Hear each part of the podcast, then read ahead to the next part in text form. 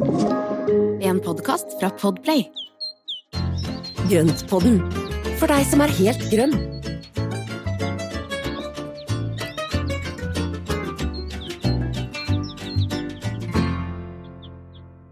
Hei, alle sammen, og velkommen til Grøntpodden.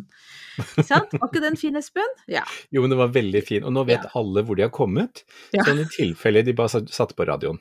Ikke sant?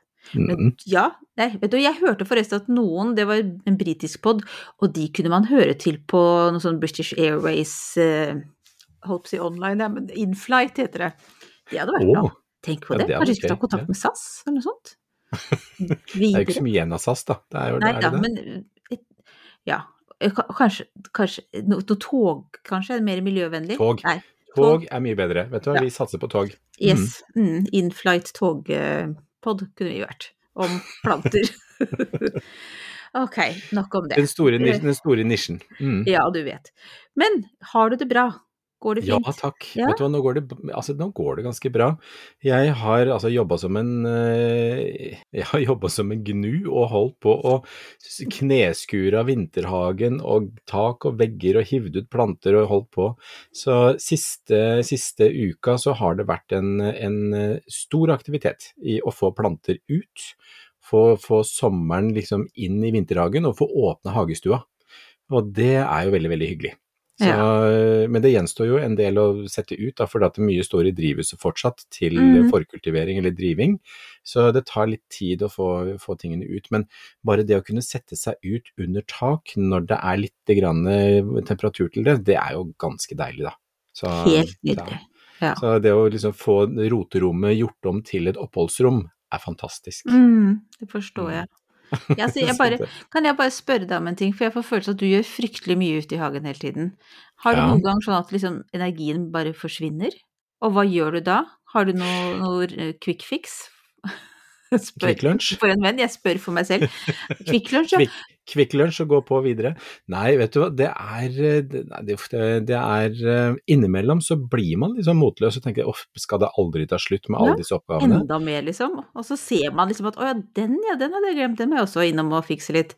Ja, og det er, eh, det er ikke uvanlig, men det jeg pleier å gjøre da, da legger jeg ned ting, og så begynner jeg å gå litt rundt og kikke på ting som spirer og gror, og, og, og så er det noe med altså ta en pause, sett deg ned, ta en bolle og ta en kopp kaffe, så jeg gjorde det på søndag. Ja. det var liksom, kosa meg i solveggen, tenkte jeg nei, nå Mm. orker jeg ikke mer, og så tok jeg med deg en stor kopp kaffe og en bolle, og så satt jeg og kikka på ting, kosa meg, hørte på fuglene, Mm. og så kom en del av energien tilbake igjen, og når jeg da kom i gang igjen, så gikk dette på, altså da gikk det på skinner.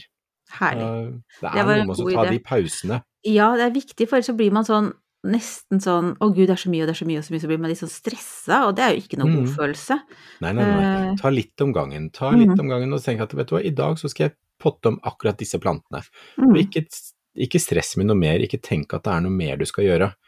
Så ta bare sett sånne små oppgaver, og så er det større oppgaver, så selvfølgelig så er det jo litt mer tiltak, men eh, det viktigste er at du da kommer igjen med de småoppgavene, og så er det noe med ta pausene, se at ting skjer, se at det spirer, og at det Altså nå er det jo så mye løkblomster som kommer opp fra, fra plantinga i høst, så det er jo en fryd å se på. Mm. Ja, men jeg syns det var fint ja, det å ta seg faktisk tid, kanskje når du liksom føler at eh, skuldrene kryper oppover på det verste, liksom, og bare tenke ja, at ok, skal det skal være- også nyte. Ja. Ja. Hageholdet skal ikke være stress. Så det er, eh, det er noe med altså, ja, sette seg ned og, ta, og tillate seg å, å ta de pausene. Mm. Jeg prøver er jo- også litt sånn tips fra meg som allerede har ugresshelvete over meg. Vi har jo den derre skvallerkålen er utrolig ivrig i år. Jeg prøver da å gå inn i en sånn Altså, jeg prøver å ikke legge så mye merke til det som i fjor. Og liksom Mm. bare tenke at ja, ja, dere er hei, hei, liksom. Og så går For hvis ikke, hvis jeg skal begynne å fjerne alt ugresset, så får jeg i hvert fall ikke gjort noe annet. Så nå prioriterer jeg liksom de store linjene, og så får det se litt sånn deretter ut. Og så må jeg innrømme at jeg nå gransker de der fine, inspirerende hagene rundt omkring på Instagram og sånne ting, og så blir jeg innmari lykkelig når jeg ser at de har ugress. Altså, du ser etter feil. Jeg ser etter ugress! Fy, Marianne. Jo, men da er det så tenkt, jeg, ja, men da kan jeg også ha litt ugress. Det gjør ikke noe, liksom. Ja, men vet du hva, det er veldig, veldig bra, og jeg syns det er en kjempefin ting å gjøre, fordi det er ingen hager som er perfekt. Alt er liksom Det er alltid noe hos alle, eh, men man ser de ofte selv. Mm. Og man ser det i mye større grad selv enn det andre gjør, og jeg tror folk som kommer på besøk til deg vil ikke liksom tenke på at det står noe skvallerkål i et hjørne, altså det, det, det tror jeg ikke noe på. I et hjørne, takk. Nei. De står i alle hjørner. Nei, men jeg forstår poenget ditt, og jeg tror liksom eh, Igjen, dette altså- ikke vær streng. Ikke Nei, vær så vær streng med seg selv. Man får bare omfavne det, og så får man liksom bare Altså, finner man en løsning på en del av dette ugresset, så er jo det supert, men ellers så får man jo bare liksom Altså, man har jo ikke gjort noe gærent hvis man har ugress. Overhodet ikke, Ikke men tenk det er mangfold. Det er er en del av naturen. Ja. Yes. Så eh, ikke noe stress, og så skal man da sørge for at det er, eh, det er hyggelig å være ute, hyggelig å holde på, og så skal, skal, kan det ugresset få lov å stå. Og det som jeg også skal si, det er at naturen er ganske tilgivende, så hvis ikke du rekker å ta det da, eller ikke orker å ta det da, så ta det senere. Naturen holder på allikevel, den. Ja da. Det forsvinner ikke, det ugresset. Det står Nei. der og venter på det. Ja. Men du, nå er vi kanskje litt langt ut på viddene, men jeg synes allikevel, i hvert fall for meg, var det veldig deilig å bare snakke litt om det. Jeg, er sikker, jeg tror ikke jeg er alene om å kjenne litt på det stresset, og jeg synes det å ta seg en bolle og kaffe i, i, i sola, det var et veldig godt tips, Espen. Tusen takk. ja, men så bra. Du Espen, vi kom oss aldri til dagens tema. Nei, vi gjorde ikke Før vi tok denne lille pausen. Det er altså velkommen til, til eh, spørrepodden, eller spørreepisoden vår. Så yes, det var Det en god er, start. Er, Ja. Det var en veldig god start. Men eh, det er, jeg håper jo at alle henger med fortsatt, så derfor så, så kan vi jo si det nå at eh, vi har fått inn så mye fine spørsmål. Det er mm. så bra med spørsmål, og det er så gøy. Og, og igjen, takk for alle både spørsmål, delinger, engasjement, alt der ute. Det er, eh, ja. Man blir ydmyk og glad og, og, og takknemlig for at, det, at dere bruker så mye tid og, og energi på oss. Så tusen Mhm. takk. Jeg er så imponert over hvor mange ulike ting folk lurer på. Ja, Altså, det er, det er veldig mange temaer som jeg gleder meg til å høre dine svar på. I dag skal jeg, skal jeg- bare, I dag skal jeg bare lese om spørsmålene, og så skal jeg lene meg tilbake og nyte. Du må komme med egne innspill og egne erfaringer også, Ja, så nei, jeg, nei. Jeg lover skal, du, må, du skal være med, ja. Men jeg skal først og fremst lese spørsmålene, og nå har jeg altså da satt litt liten størrelse på, forskrifta her. Eh, merker, merker at eh, alderen tynger, men jeg skal prøve å måtte se. justere opp min, for du hadde jo satt en mikroskrift, jeg får ikke, klarer ikke å se dette. Altså, jeg er nærsynt, men alderslangsynt, så dere kan tenke dere at Se for dere en som nå sitter og lener seg bakover og fremover for å finne liksom riktig avstand til teksten. Men skal vi rulle i gang, da? Vi tar jo Camilla, tenker jeg, for hun står øverst her. Ja. Eh, og hun har da altså tre spørsmål. Mhm. Eh, men alt handler vel om uteplanter, eller utevekster, gjør det ikke det? Jo, vi begynner på Ja. det første. Når grenene på et tre i hagen ikke får skudd i tuppene, skal det klippes ned til det friske, eller bør hele grenen klippes ned? Og da mener hun det er spesielt japansk viftelønn og blærespirea som hun Ja. tenker på. Og det er jo egentlig to busker, og, eller altså busk og tre, som tåler beskjæring godt. Den bryter godt fra gammel ved, så det gjør egentlig ikke noe å beskjære de. Så her ville jeg ha tatt og bare klippet tilbake til du finner frisk ved, og så Mm. lar det være med det. Og hvis da det blir veldig sånn rar fasong på busken eller på, på lønna, så ville jeg kanskje justert det sånn at fasongen blir fin. Så jeg ville ha klippa tilbake og ville ikke bekymra meg for det. Og jeg ville ikke tatt hele grena, for det tar mye lengre tid at noe Mhm. vokser ut igjen. Så eh, klipp tilbake så mye som er nødvendig for å fjerne det døde. Ja. Klipp det du må, og så heller ta en sånn frisørklipp, øh, holdt på å si, der du ser mer på formen og sånne ting. Eh, Ved en annen anledning, da, nesten. Mm. Ja. Altså, Men man kan mm. godt gjøre det i samme, og så bare justere inn da, når du har fjernet alt det døde, at man da gjør den Ja, ja. friseringa og Mm. justeringa med en gang. Så Ja. vil den begynne å skyte nytt fra, fra det friske veden. Mm. Ja, for jeg tenkte mer på liksom, hvis man skulle justere så det ble vakkert, så kanskje man ville vente til de hadde sånn. litt igjen, vet du. Ja, det er mye lettere da. Mm. For en som ikke klarer å se det for seg, du har jo det der øvde blikket ditt, så du ser jo hvor, i hvilken retning det bærer, liksom. ok, to. Vi var ferdig med den første nå, ja. Ja, vi var ferdig med det første. To. Når et lite og ungt frukttre morell, i parentes, har et dødt toppskudd, det er mye skudd her, Mhm. vil treet kunne vokse seg stort da? Bør det døde toppskuddet klippes helt ned til der de friske grenene springer ut, ca. 70-80 cm over bakken? Det er ikke noe problem å fjerne et toppskudd, for at da når treet er så ungt, så er det et annet skudd som vil kunne overta, og så vil det da likevel bli en naturlig topp etter hvert som da dette treet blir eldre. Mm. Så det, det er jo det som skjer noen vintre, at, det, at et skudd kan fryse tilbake, eller grener kan fryse tilbake, eller at det er sykdom, eller det er ting som gjør at eh, noen grener dør. Men eh, de aller fleste tilfellene så vil da et nytt skudd danne et nytt hovedskudd oppover, og da mm. gjøre at man da får denne toppen som, eh, som erstatning for den som da blir klippa bort, eller som har dødd. Ja, bra. Da vet du det, Camilla. Nå skal vi ta det siste spørsmålet ditt. Beplantning inni steingjerdet. Er det bare å stappe inn litt jord? Og hva slags jord?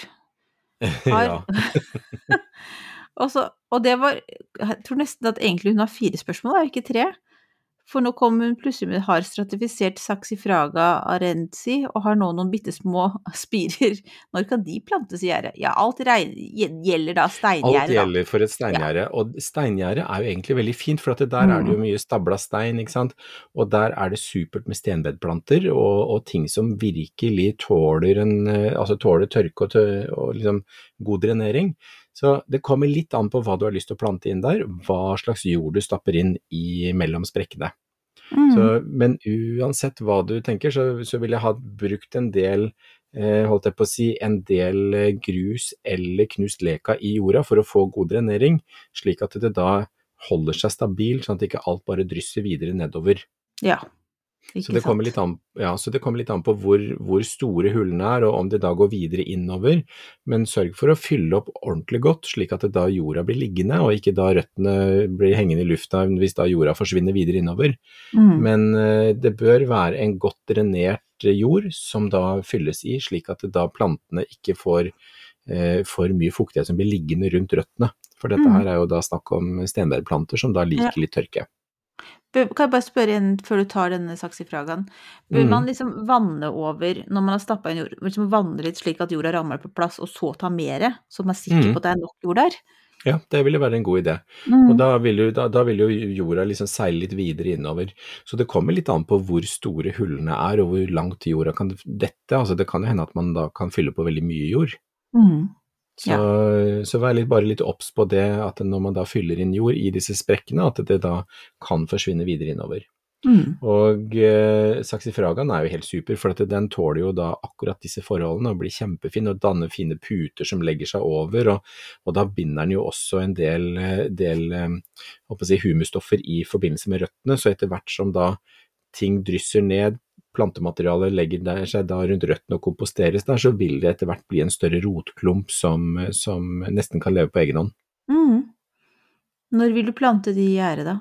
Det er bitte, bitte små spirer. jeg ville ha planta de ut når de er ferdig stratifisert, ja, for nå er det det meste av plantene som nå blir satt ut, de vil kunne få en god sesong ute. Mm. Og jo lenger tiden får ute, jo mer vil den da etablere seg videre. Så, men eh, når de er små spirer, så er de ikke så hardføre i forhold til tørke, så jeg ville være litt obs på vanninga. Ja. Godt Altså spesielt i starten. Ja. Så bra. Da skal vi gå videre til Janne, da. Ja. Mm. Som ønsker å plante hekk mot en ganske så trafikkert vei, gjerne en hekk som vokser litt fort, og det hadde vært topp om den dempet litt lyd i tillegg til innsyn. Veien saltes dessverre, og derfor ble det tidligere Nei, og derfor ble tidligere granhekk fjernet da den bare var kvist og kvast mot veien. Hmm. Hva anbefaler dere?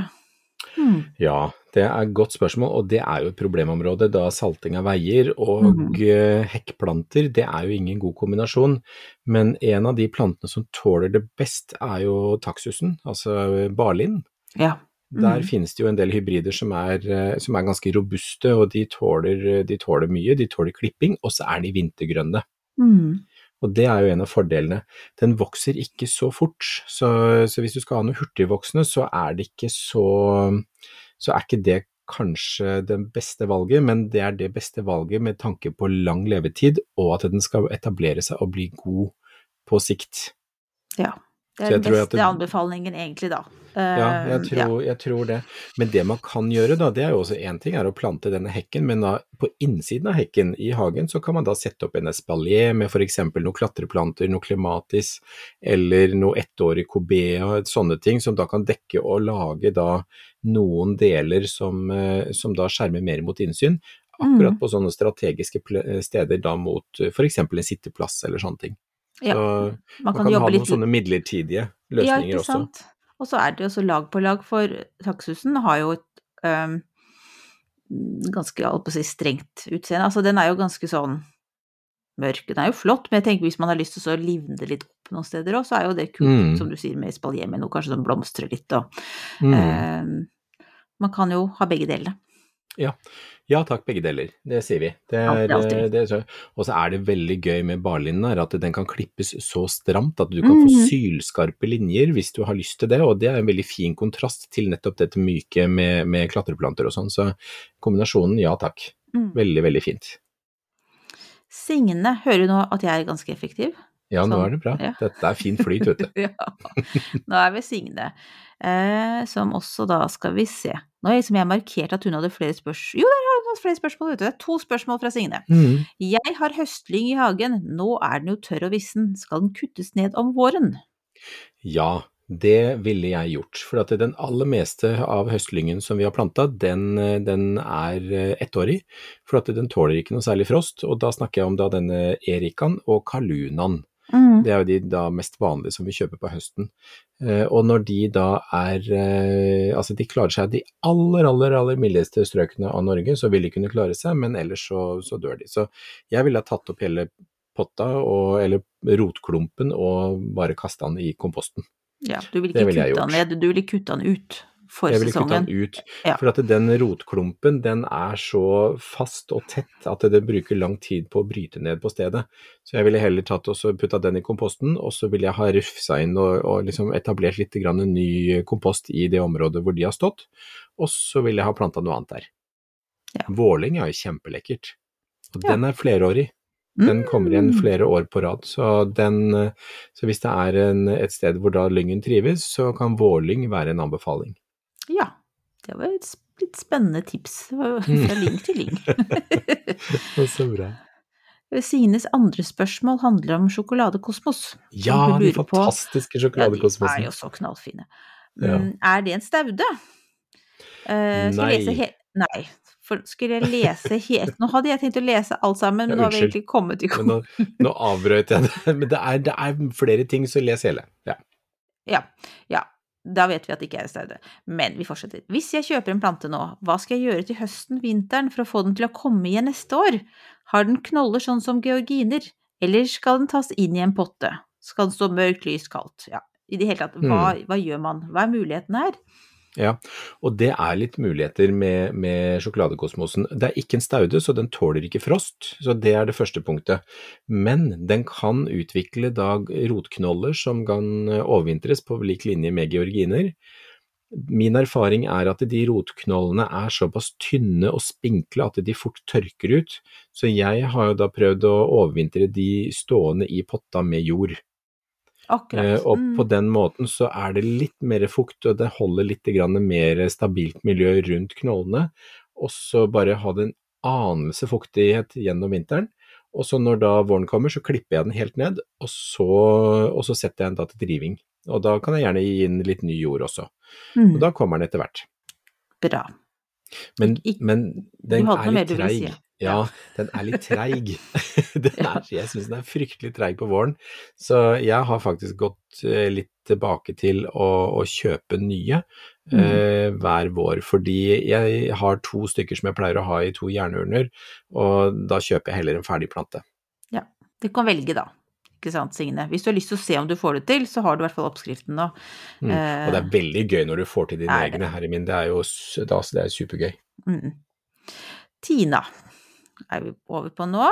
Mm. Da jeg overtok huset til min bestemor, ble jeg eier av en peon, som min bestemor fikk av sin mor. Oi sann. Så som dere sikkert skjønner, er den veldig gammel, og affeksjonsverdien er høy. Den står i et bed som det dessverre er et rotugress som har kommet til. kveike, som vi kaller det her på Sørlandet. Ønsker Mm. egentlig å flytte den da vi har pusset opp en del av uteområdet, altså pusset opp i, hva heter det, gåseøyne, en del av mm. uteområdet, og da blant annet anlagt to nye store bed, blomsterbed. Sorry, jeg måtte scrolle litt bortover, for det var så lang setning. Men jeg tør ikke når jeg ser det vokser kveike der, så da lurer jeg på, finnes det noen som helst mulighet for å kunne redde peonen, og eventuelt kunne flytte den? Må Mm. jeg ta en avlegger og sette den i karantene, for eksempel? Det er et veldig veldig godt spørsmål, fordi det er jo, det er jo den der skvallerkollen som vi snakker om, som som du også Mm. sliter med. ikke sant? Og hvis, den, altså hvis du flytter en staude med røttene over til et nytt sted, så vil du få med dette rotugresset. Mm. Og det er jo helt håpløst. Og jeg kjenner godt til denne pionen, fordi eh, jeg har jo da min samme Altså jeg har også en pion her i hagen som er fra min oldemors hage, som har vært i familien over 100 år, og man blir jo så glad i de. Det er, Ja. altså, det er, det, det er, de er helt fantastiske. Mm. Men det jeg vil anbefale er å ta den stiklingen, eller flytte den pionen på høsten, altså september måned, når bladverket liksom ikke vokser noe mer, og at tingene bare står stille, og den er i ferd med å gå i dvale, så kan du løfte den opp. Og det du kan gjøre da, det er å riste av en del av jorda, og bare sjekke at ikke det er noen røtter innimellom. For at pionen har da ganske tjukke knoll, knollingende røtter. Og eh, det er lett å se kveke- eller skvalekålrøttene innimellom. Mm. Ja. For de er jo lyn, altså små, tynne, hvite, og da er det bare å lirke løs, fjerne alt sammen, og plant de pionknollene da på nytt et annet sted. Mm.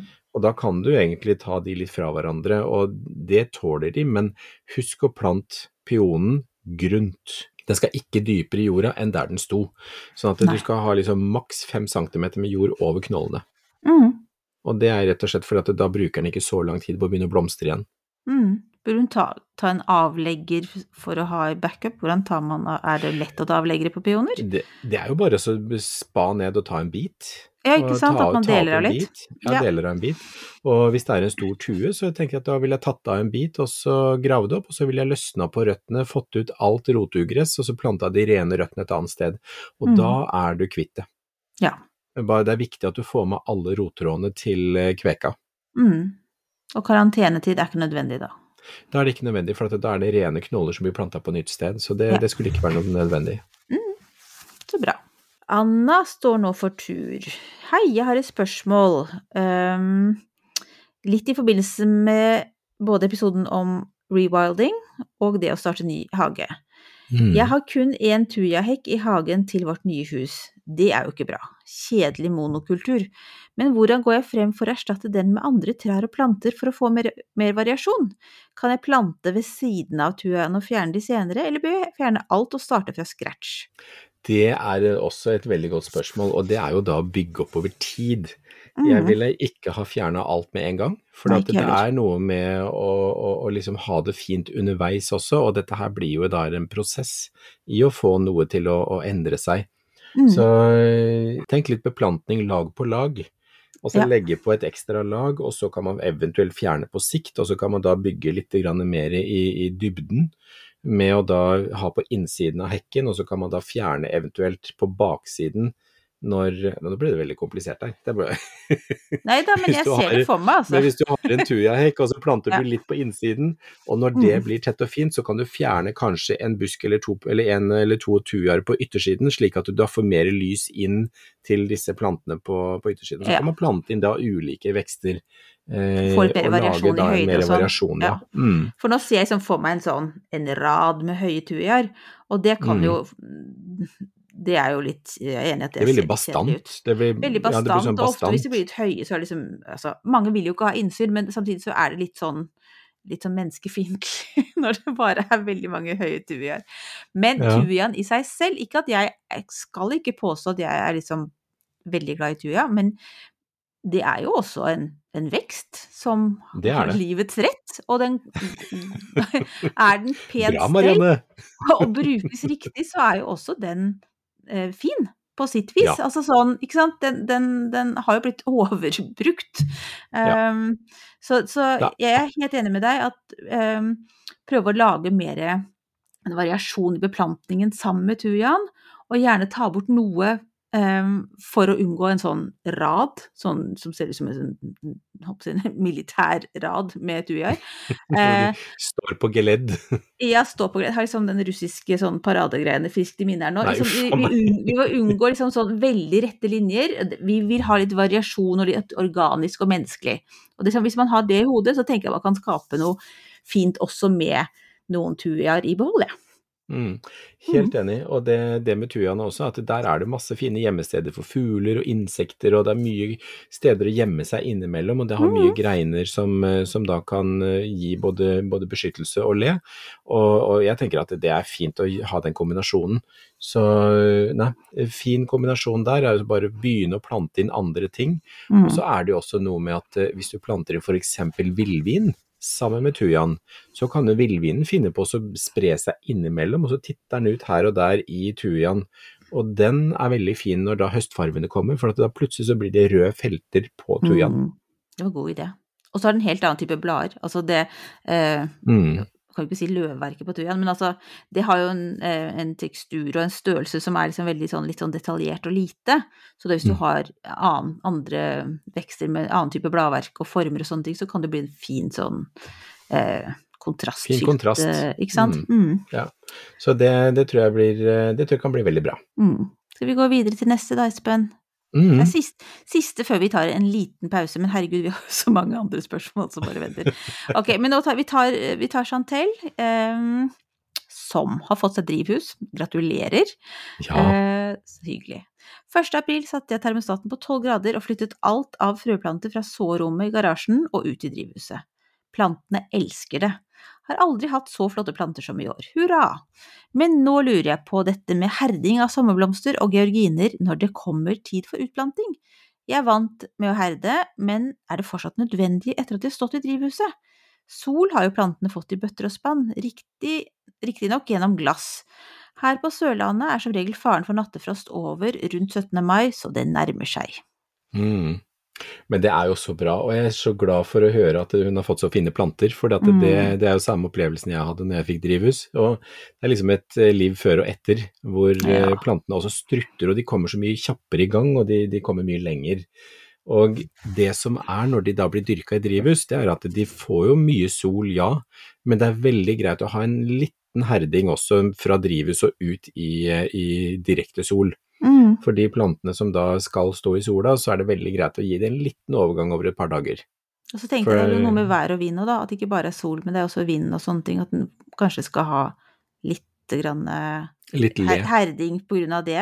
At Ja. det, det er jo mye roligere hopper jeg inn i et drivhus.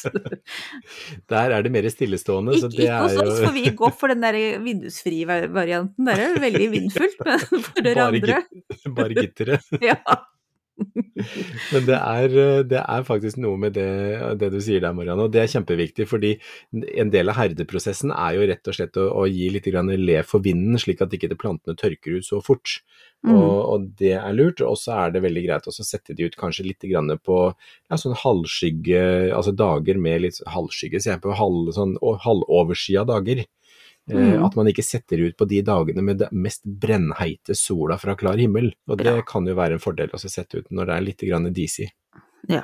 Men så fint, det var bra tips. Eh, og nok en gang gratulerer med drivhus med glass i. Det høres Ja. helt herlig ut. Det er kjempebra. Ja. Nå skal vi ta en liten pause, eh, men etterpå skal vi snakke om snegler og koleus.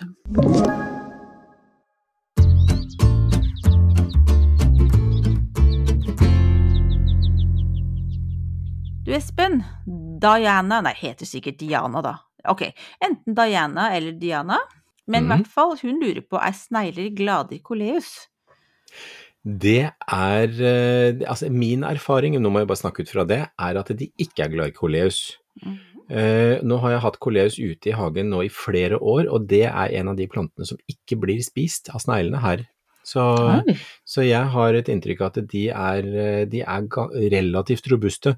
Er det ekstra sultne snegler, så spiser de jo alt, det gjør de jo. Mm. Men, eh, men det som jeg også har kjent, nå er jo ikke koleusen spiselig, men jeg har jo smakt litt på Jeg bare, ja. Den, jeg anbefaler ikke å spise den, men den er litt grann syrlig. Kan jeg jo spørre om eh, hvordan du kom til å prøve å smake på en koleus? Nei, det behøver, det behøver ikke. Jeg, bare, jeg ble litt nysgjerrig. Fordi det er, det er liksom eh, det, De lukter litt sånn der friskt Altså, Mm. de lukter litt sånn der friskt og nesten syrlig, ikke sant. ja. Så jeg bare tenkte at hm, jeg må bare smake bitte lite grann. Så. ja, ja. Men eh, det, det Så jeg tror det er derfor, for at sneglene er heller ikke glad i begonia. Og en del begonia er eh, også spiselig, men de, eller de er spiselige. Eh, de knollbegoniaene som da har mye oksalsyre i seg. Mm. Så de, har jeg, de er heller ikke sneglene glad i. Og så har jeg heller ikke merket at de er på oksalisen. Nei, for det var det jeg tenkte nå. Det har jeg heller Mm. aldri sett. Uh... Så, så jeg tror, eh, i hvert fall ut fra egen erfaring, så er ikke sneglene glad i koleus. Er det noen der ute som har andre erfaringer, og, eller har dårlig erfaring med koleus og snegler, så send gjerne en melding. For Mm. det hadde vært interessant å få vite litt mer om. Absolutt. Men inntil Mm. videre så er det en grønn på den sannhet at eh, snegler ikke er glad i koleus. Ja. Kristin vil ha tips om etablering av rotodendronbed. Skal plante dette i et belte foran huset, et stort bed som ble ødelagt i forbindelse med graving av rør. Sto der før da, tydeligvis. Mm. Eh, men jeg har aldri gjort det før. Tips? Rhododendron er jo så flott. Det er Mm. jo det, det, er, altså, det er nydelig. Og der finnes det jo så utrolig mange varianter av både de bladfellene og de som er vintergrønne. Eh, og vi har jo da blomster på bar kvist, og de blomstrer på sensommeren, de blomstrer på våren. Altså det er masse forskjellig rododendron. Mm. Men det som er felles for de er at de liker jo da litt filtrert lys, og eh, også liker de jevn fuktighet, og så liker de sur jord. Mm. Derfor er det lurt også å spavende inn mye rododendronjord, Mm. sånn at du er sikker på at du får denne her gode jordkvaliteten som rododendronen trives med. Og så bør de holdes jevnt fuktig, så det å kunne da også koble på en svetteslange som da ligger og, og, og vanner sånn ved en gang iblant, det kan, være, kan også være veldig lurt. For da vil du få den her jevne fuktigheten som du da vanner over tid, og så eventuelt sette på timer på svetteslangen, og så ha rododendronjord slik at du får godt miljø for røttene. Mm. Og da tåler de ganske mye. all Ville du erstatte all jord som var i bedet nå med rododendronjord, eller holder det med at man liksom, som du sier, vender inn en god del Jeg ville vente inn en god del, og jeg tror ikke det er nødvendig å, å, å fjerne noe jord. For at det å da heller tilføre nok, eh, nok Mhm. rododendronjord, og si at man da putter inn Jeg vet ikke om det er vanskelig å si liksom størrelse eller mengdeforhold, men eh, i hvert fall spavene inn godt, sånn at du virkelig kjenner at du får en, en ny struktur på jorda. Ja. Og så vil jeg bare sørge for å bruke rododendrongjødsel når du gjødsler senere. Ja. For det finnes da, nå vet jeg at det finnes, det finnes jeg kom over en, en produsent på messa, eller på hagemessa, som heter Grønn gjødsel, og de lager jo da en egen naturgjødsel som er ment for rododendron. Mm. Og det, er, eh, det er veldig Det er smart, for at da vil du også opprettholde mikroliv i jorda. Så nok rhododendronjord inneblir veldig mye rororom, men Jeg eh, tenker at det er godt du ikke har drukket før du skulle ta Nei, jeg skulle ikke. Med tungrulling så det suser etter der. Men blande inn god jord, og så fortsette å vanne og eh, holde det jevnt fuktig og ha god gjødsel i. Vet Rhododendron er innmari fint. Vi har jo et Ja, sånn, sånn der parkanlegg i nærheten her eh, foran et sånt slott, eller Mm. rundt et slott, og der har de eh, mange gedigne rhododendronbusker. Og det er De er så høye at man liksom Man ser eh, greinene Altså at man ser liksom inn i det, og det er jo, det er jo vakkert. Trenger jo ikke alltid ha blad på dem heller. Ja, men de er så flotte. De er Kjempefine. altså. Og det som er kult med rhododendron, er jo også at den kan godt beskjæres hvis den blir stor, eller hvis du syns den blir sånn der spinkel og, og dårlig i veksten. Mm. Så er det bare å kutte ned, og så skyter den nytt. Og da kommer det nytt, og den, den etablerer nye skudd på, fra gammel ved uten problem. Mm, nydelig. Og liksom voksen vekst. Den er litt sånn, ja, fornem, på en måte. Mm. Flott. Men skal jeg fortelle en morsom, morsom historie, siden vi har så fryktelig god tid i dag. Det er at eh, jeg har Jeg lagde jo da en, en av mine første stiklinger jeg tok hjemme i hagen til mine foreldre, var en rhododendron. Mm. Og den eh, satte jeg som en grenstikling, la ned, skrapa litt i barken, fikk den til å rote seg, så flytta jeg den et annet sted i hagen. Og den står der i, nå i, eh, i hagen fortsatt, og nå er det 35 år siden, og den er blitt svær. Hvor gammel Og, var du da, da?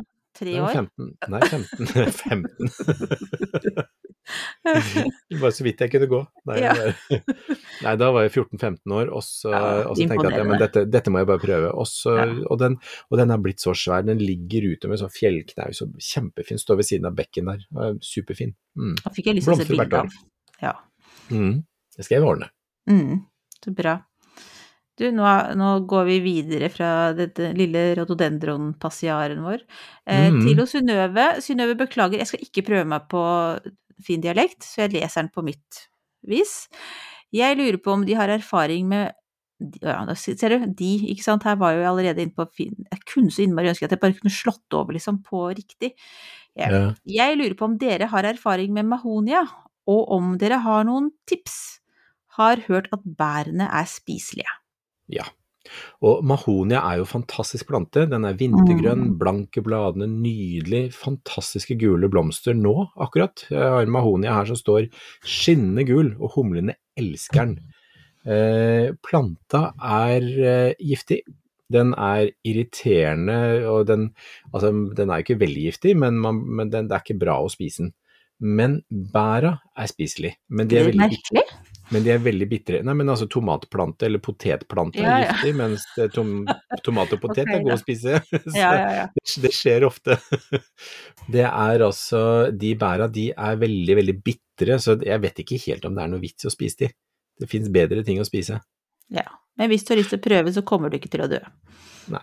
Og jeg tror mer at du blir litt sånn, litt sånn snurpete i munnen, og at det smaker veldig De har ikke, ja, de har jeg ikke prøvd meg å spise, så det, det, det har jeg ikke lyst til heller. Men Nei. de er veldig fine, og de der bæra, de der blå, matte, sånn blåmørke, matt overflate, nesten gråaktig overflate, er kjempefine. Mm. De er veldig dekorative. Og de bladene de er superfine å binde inn i kranser, altså opp til jul og sånn. Plukke noen av de blanke, fine bladene og legge de inn sammen med matt grønt i en liten krans. Superlekkert. Mm.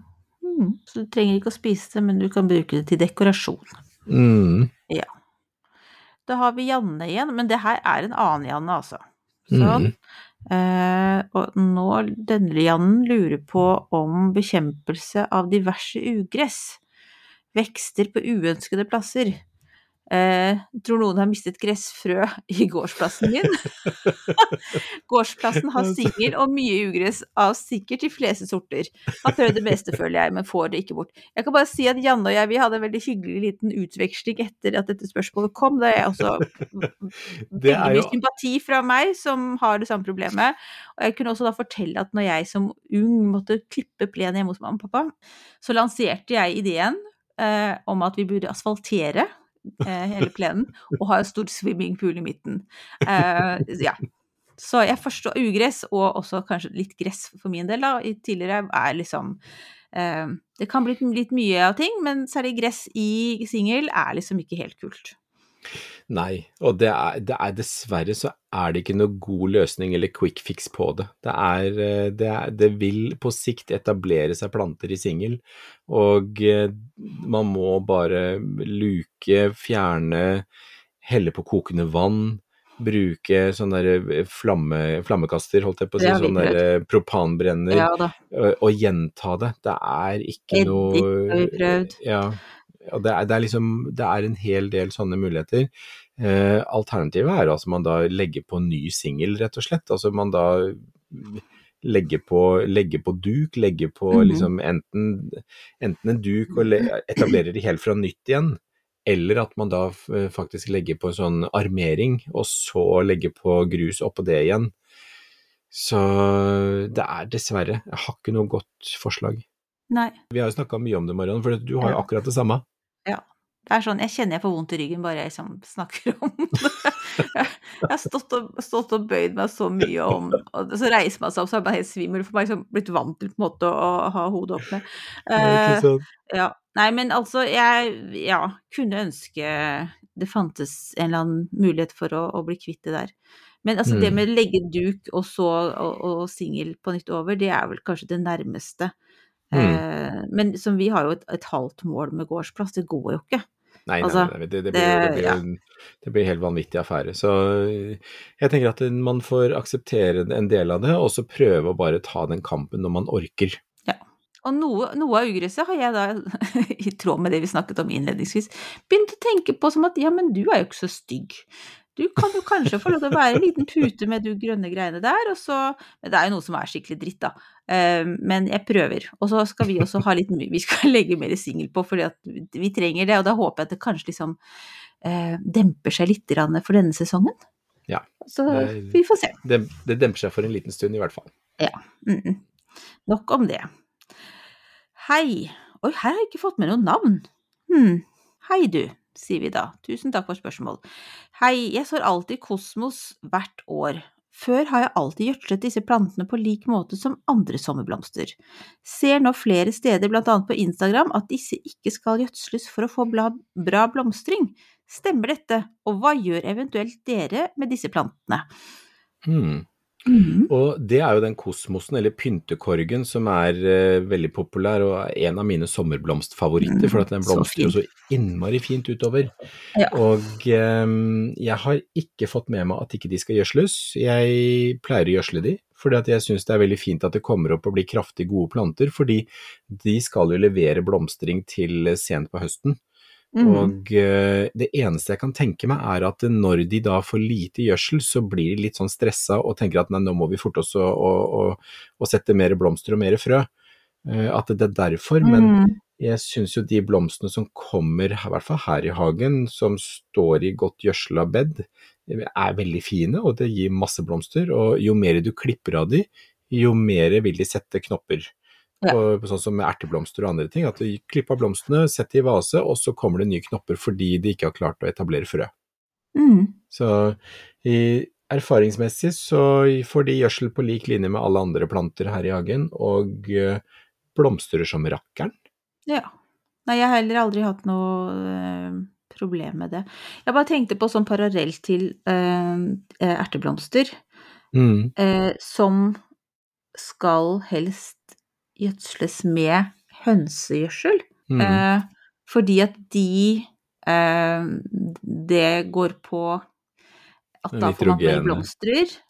Blomster, og hvis man tar Nå husker jeg fanden meg ikke den andre typen, men i hvert fall at det er greit for oss. Og hvis man skal ønske blomster, så skal man bruke det. Og så er det jo andre ting som er bedre å, å gi som næring til grønnsaker, og der man vil ha bladverk og sånne ting.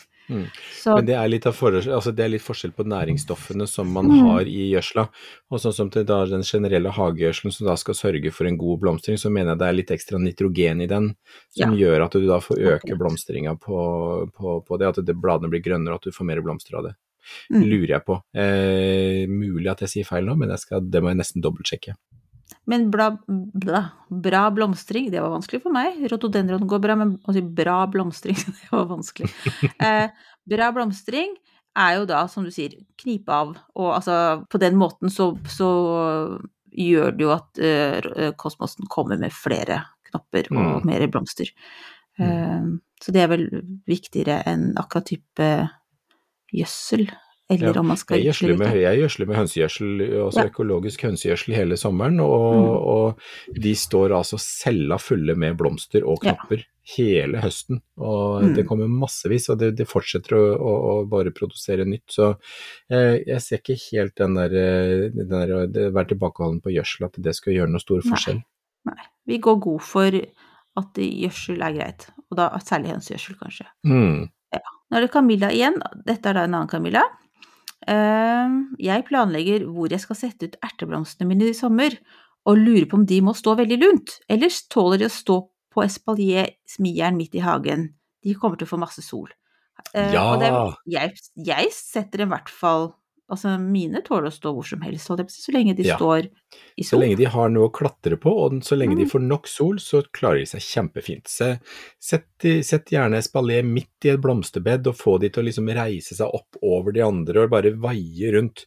Mm. Kjempefint. Så bare sørg for at de får nok sol, så vil de fortsette å blomstre hele sommeren. Så ikke tenk på noe, noe lun plassering. Nei. Sol, næring og vann.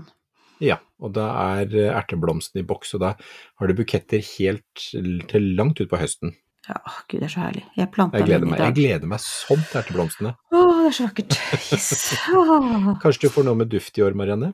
Du, det kommer til å bli bare duft her, altså. Nå har jeg gått rett og slett etter duft. Eh, og så har jeg da vært ganske streng på fargeskalaen, paletten, som du vet. Ja, nå er jeg veldig, veldig, Eh, veldig spent på Så når jeg satte ut i dag, så fant jeg ut at det, er sånn, hm, det er forskjellige varianter av lyst. det er litt kjedelig. Og så hadde jeg noen som var jo dyp rød, så det skal bli litt drama innimellom. Så det, Ja. jeg er litt spent på det årets bukettbed. Ja, det blir spennende. Um, skal vi se. Du, nå må vi bare fortsette, Espen. Nå Mm. Det, skal vi se her. Det er en som lurer på um, gode tips eh, når man oppdager en råtten rot. Det her gjelder da en Alocasia pink dragon. Ja. Eh, før jeg visste hva jeg drev med, tok jeg den opp og ut av jorden og satte den i vann. Tenkte da at det skulle dannes nye små røtter fra den. Skjønte etter hvert at det bare gjorde den enda mer råtten. Nå er det svært lite igjen av den lille roten på grunn av det er tatt bort. Ehm, kan den reddes? Ja, nei det er eh, Jeg tror ikke det er så veldig mye mer å redde hvis den har ligget i vann en stund. fordi at det, de aller fleste knoller og røtter som jeg vet om, som er litt sånn tykke, altså tykke mer knollaktige, de liker ikke å ligge i vann. Mm. For det er veldig fort at det setter i gang en råteprosess, og da når ting begynner å råtne, så sprer det seg uhyggelig fort. Ja, så så det beste Ja, det er veldig synd. Denne Pink Dragon er kjempefin, så den er jo altså de nydelige rosa stilkene og fine, fine tegningene på bladene, så den er, den er veldig, veldig fin. Men den, altså når den da står i en veldrenert jord, så skal den jo gjerne få tørke lett mellom hver vanning og bare holdes jevnt fuktig. Men Mm. den skal jo ikke være soggy eller bløt, for da råtner det.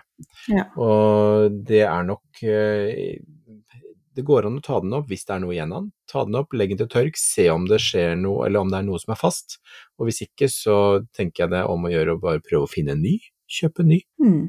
Mm. Og ikke, ikke gjøre Og det ikke sånn. overvanne. Nei. Ikke Mm. Sånt er det. Det skjer av og til. Og da, men så lærer man. Og så, Ja.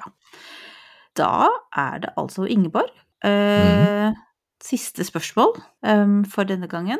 Så da tar vi med litt skryt opp, for det var så koselig at du skriver så hyggelig. Hei, og takk for en super podkast. Tusen takk, Ingeborg. Tusen Jeg er nybegynner med nybyggshage, så mye skal læres. Og så lurer hun på hvordan man overvinter, overvintrer utendørs potteplanter. Min utfordring er at jeg ikke har et kjølig rom i huset, og garasjen er eh, mørk og fuktig, og det blir nok litt minusgrader der på det kaldeste. Lys i garasjen kan eventuelt, eventuelt ordnes, men fukt og kulde er ufravikelige forutsetninger. Er det håp for overvintring av planter på et slikt sted? Det er et veldig omfattende og også veldig godt spørsmål, for det kommer helt an på hvilken plantetyper du, du har. Det Mm. er helt greit å kunne overvintre planter ute i krukke hvis de er beregna for klimasonen du bor i. Og det er nesten enklere å overvintre helårsplanter utendørs enn å ta de inn under da litt sånn variable forhold. Så Mm. hvis du skal ha inn planter som skal overvintres frostfritt, så, er det, så må man eh, sørge for at det ikke er frost i rommet. Og så kan man sette inn en luftavfukter. Jeg gjør jo det i vinterhagen, for der blir det altfor fuktig. Eh, Mm. og så kan man da sette på lys med en timer. Og, men det, det forutsetter at man da har muligheten til å justere da, da temperaturen også. For hvis det er eh, planter som da ikke tåler frost, så, så vil de dø. Ja. Men jeg tror at dette her er en, eh, en noe vi skal ta en hel episode om, faktisk. Det med krukker utendørs og overvintring av helårsplanter og sånne ting. At vi kan ta det litt ut på sensommeren. eh, At vi kanskje prøver oss på en episode på det. Fordi vi har snakket om det før, men det hadde vært gøy å ta en litt ny runde på det. Fordi eh, da kan vi se litt på både helårs- og flerårstingene som, som er lette å, å, å overvintre. Mm. Eh, og da kan man jo gå litt for knoller og løk, som har, tar liten plass, som kan legges da frostfritt og kjølig, og så sette det ut igjen da til våren. Ja, nei, så det er jo litt logistikk med alt det her sånn, det, og det er mye Mm. å holde oversikt over sånn, så absolutt, jeg synes det har vært eh, lurt med en episode der vi kan også snakke litt om altså, systemer og eh, alternativer som gjør det litt enklere å, å få Ja. gjennomført det her sånn. Ja, ikke sant. Men det som jeg da kan si, eller jeg har lyst til å si, da, det, det er jo det at hvis du da velger å ha potter ute eh, hele året, med planter som er da helårs, eh, altså helårsplanter, så er det viktig å sørge for frostsikre krukker, god drenering, Løft krukka, sett den på føtter, hold den da litt opp fra underlaget, sånn at vann da kan renne unna, så ikke det blir frostsprenging i bånn. Eh, og når du velger planter, så velg planter som klarer én klimasone mm, eh, å si mer enn der du bor. Ja. For det er en sånn Mm. tommelfingerregel, fordi at det er tøffere for planta å stå i krukke enn i bakken, fordi at den får frost inn fra sidene på røttene. Så, så velg en planter som ja, klarer én cirka klimasone mer enn det du bor, eller det, enn det det er der du bor. Mm. Og potte med hull i bunn. Potte med hull i bunn, alltid. Alltid. Mm.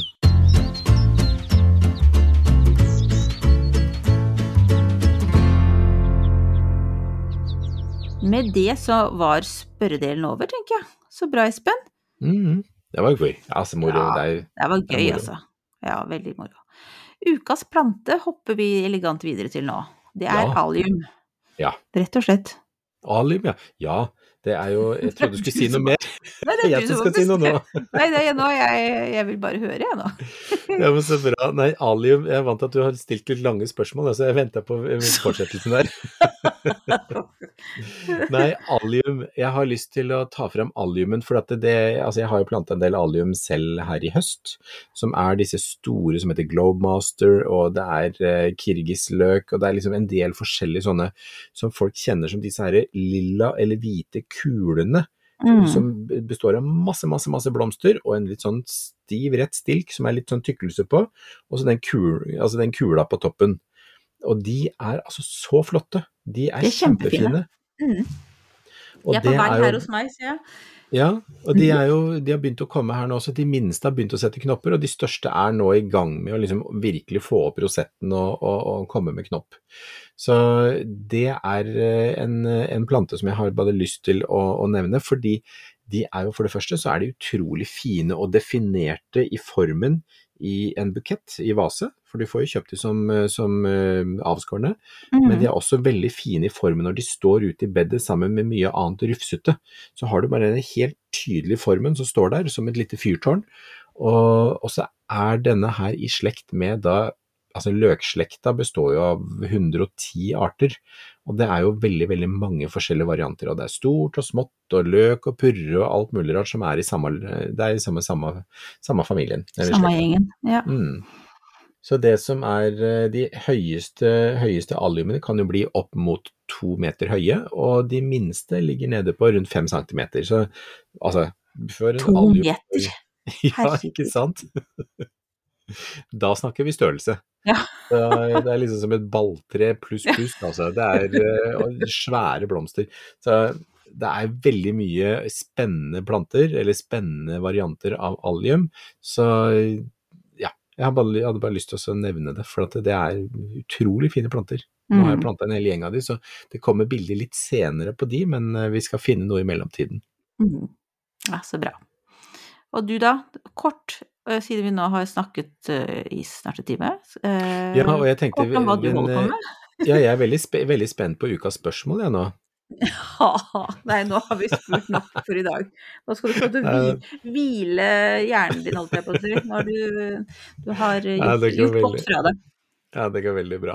Nei, eh, akkurat nå så er det, nå er det liksom å prøve å finne plass til alle plantene som jeg har forkultivert. Det er jo et, eh, altså apropos logistikk, det er jo et eventyr å prøve å finne Mm. små rom eller åpninger av jord hvor jeg kan dytte ned planter, for det er søren, altså tute meg så trangt der. Altså det er så Mm. trangt i år som det har vært, altså jeg tror aldri jeg har hatt så trangt noen gang, jeg. Det er vel fordi at du også gjorde det samme i fjor, da? Og Ja, for i fjor? Og det blir verre for hvert år, Ja. så, så det er det, Ja, nei, det er, så, så det, jeg driver med sånn puslespill. Jeg elsker puslespill ute i hagen, så. Ja. det driver jeg med. Så, og det, det blir veldig spennende å se resultatet for noe vil ikke klare seg, noe vil gå veldig bra, og så får vi se hva som skjer. Mm. Mm. Alltid spennende det der. Ja, ikke sant. Men du da, Marianne, hva gjør du? Ja, i dag har jeg altså da endelig fått ut erteblomstene. Eh, Mm. Og liksom få sukket litt over at jeg alltid bruker mye lengre tid enn det jeg tror. Jeg hadde liksom satt opp lite skjema i hodet der jeg skulle erteblomster, og så skulle jeg få også blomkarsefrøa i jorda. Det Mhm. fikk jeg ikke til, men jeg er i hvert fall halvveis der. Så Så bra. hvordan dette blir. Gleder meg enormt. Syns eh, ja, det var veldig deilig å få liksom Nå har jeg skikkelig sånne jordbrune fingre og møkkete negler, så liksom Ja, nå er sesongen ordentlig i gang, altså. Ja, men det er jo herlig. Mm. Ja, men det er jo herlig. Men det er jo også noe med det å få de erteblomstene ut, og de har jo stått ute ganske lenge, eh, Mhm. her hos meg i hvert fall. Mm. Og de har blitt utrolig sånn kompakte og fine, altså. Kjempefine. Det var veldig morsomt å se dem. Det var så fine røtter og Nei, det var en veldig hyggelig opplevelse. Da koste jeg meg, Espen. Det Ja, så bra. eh, ja, veldig, veldig hyggelig. Liten lydbok på øret og, og sånne ting, så satt jeg der og ble skikkelig møkkete på klærne og alt mulig, ja. Ja, men så bra. Men det er jo akkurat den opplevelsen, den er verdt liksom, Når Mm. du da er motløs og sånne ting, så gjør sånne hyggelige ting som ikke er så krevende, og som er sånn, eh, sånn altså bare, ja, så få tilbake den gleden, og nettopp å gjøre sånn som det du ser der. Og så valgte jeg da å ikke rydde ferdig hele det bedet, eh, men liksom nok til at jeg kunne gjøre det der, og så tar jeg Mhm. resten av bedet en annen dag. Det, det var jo også litt Ja, for hvis ikke så hadde jeg aldri fått gjort eh, selve plantinga, for det hadde vært Nei. helt kaputt. Ja, ikke sant? Eh, ja.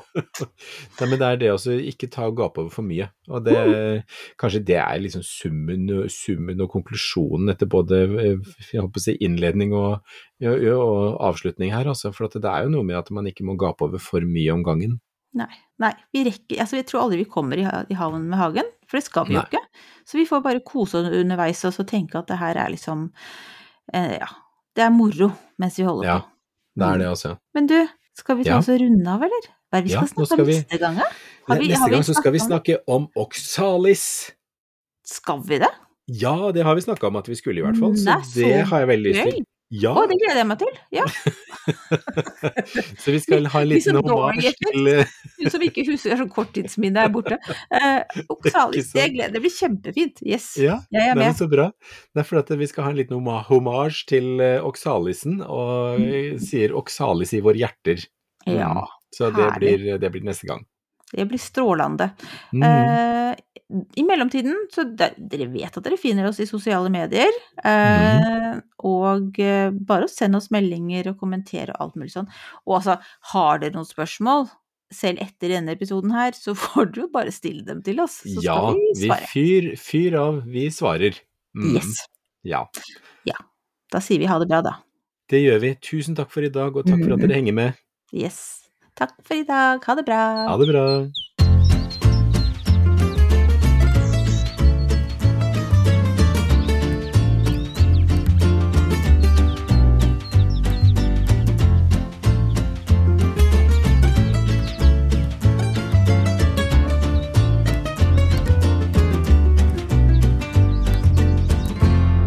Du har hørt en podkast fra Podplay. En enklere måte å høre podkast på. Last ned appen Podplay, eller se podplay.no.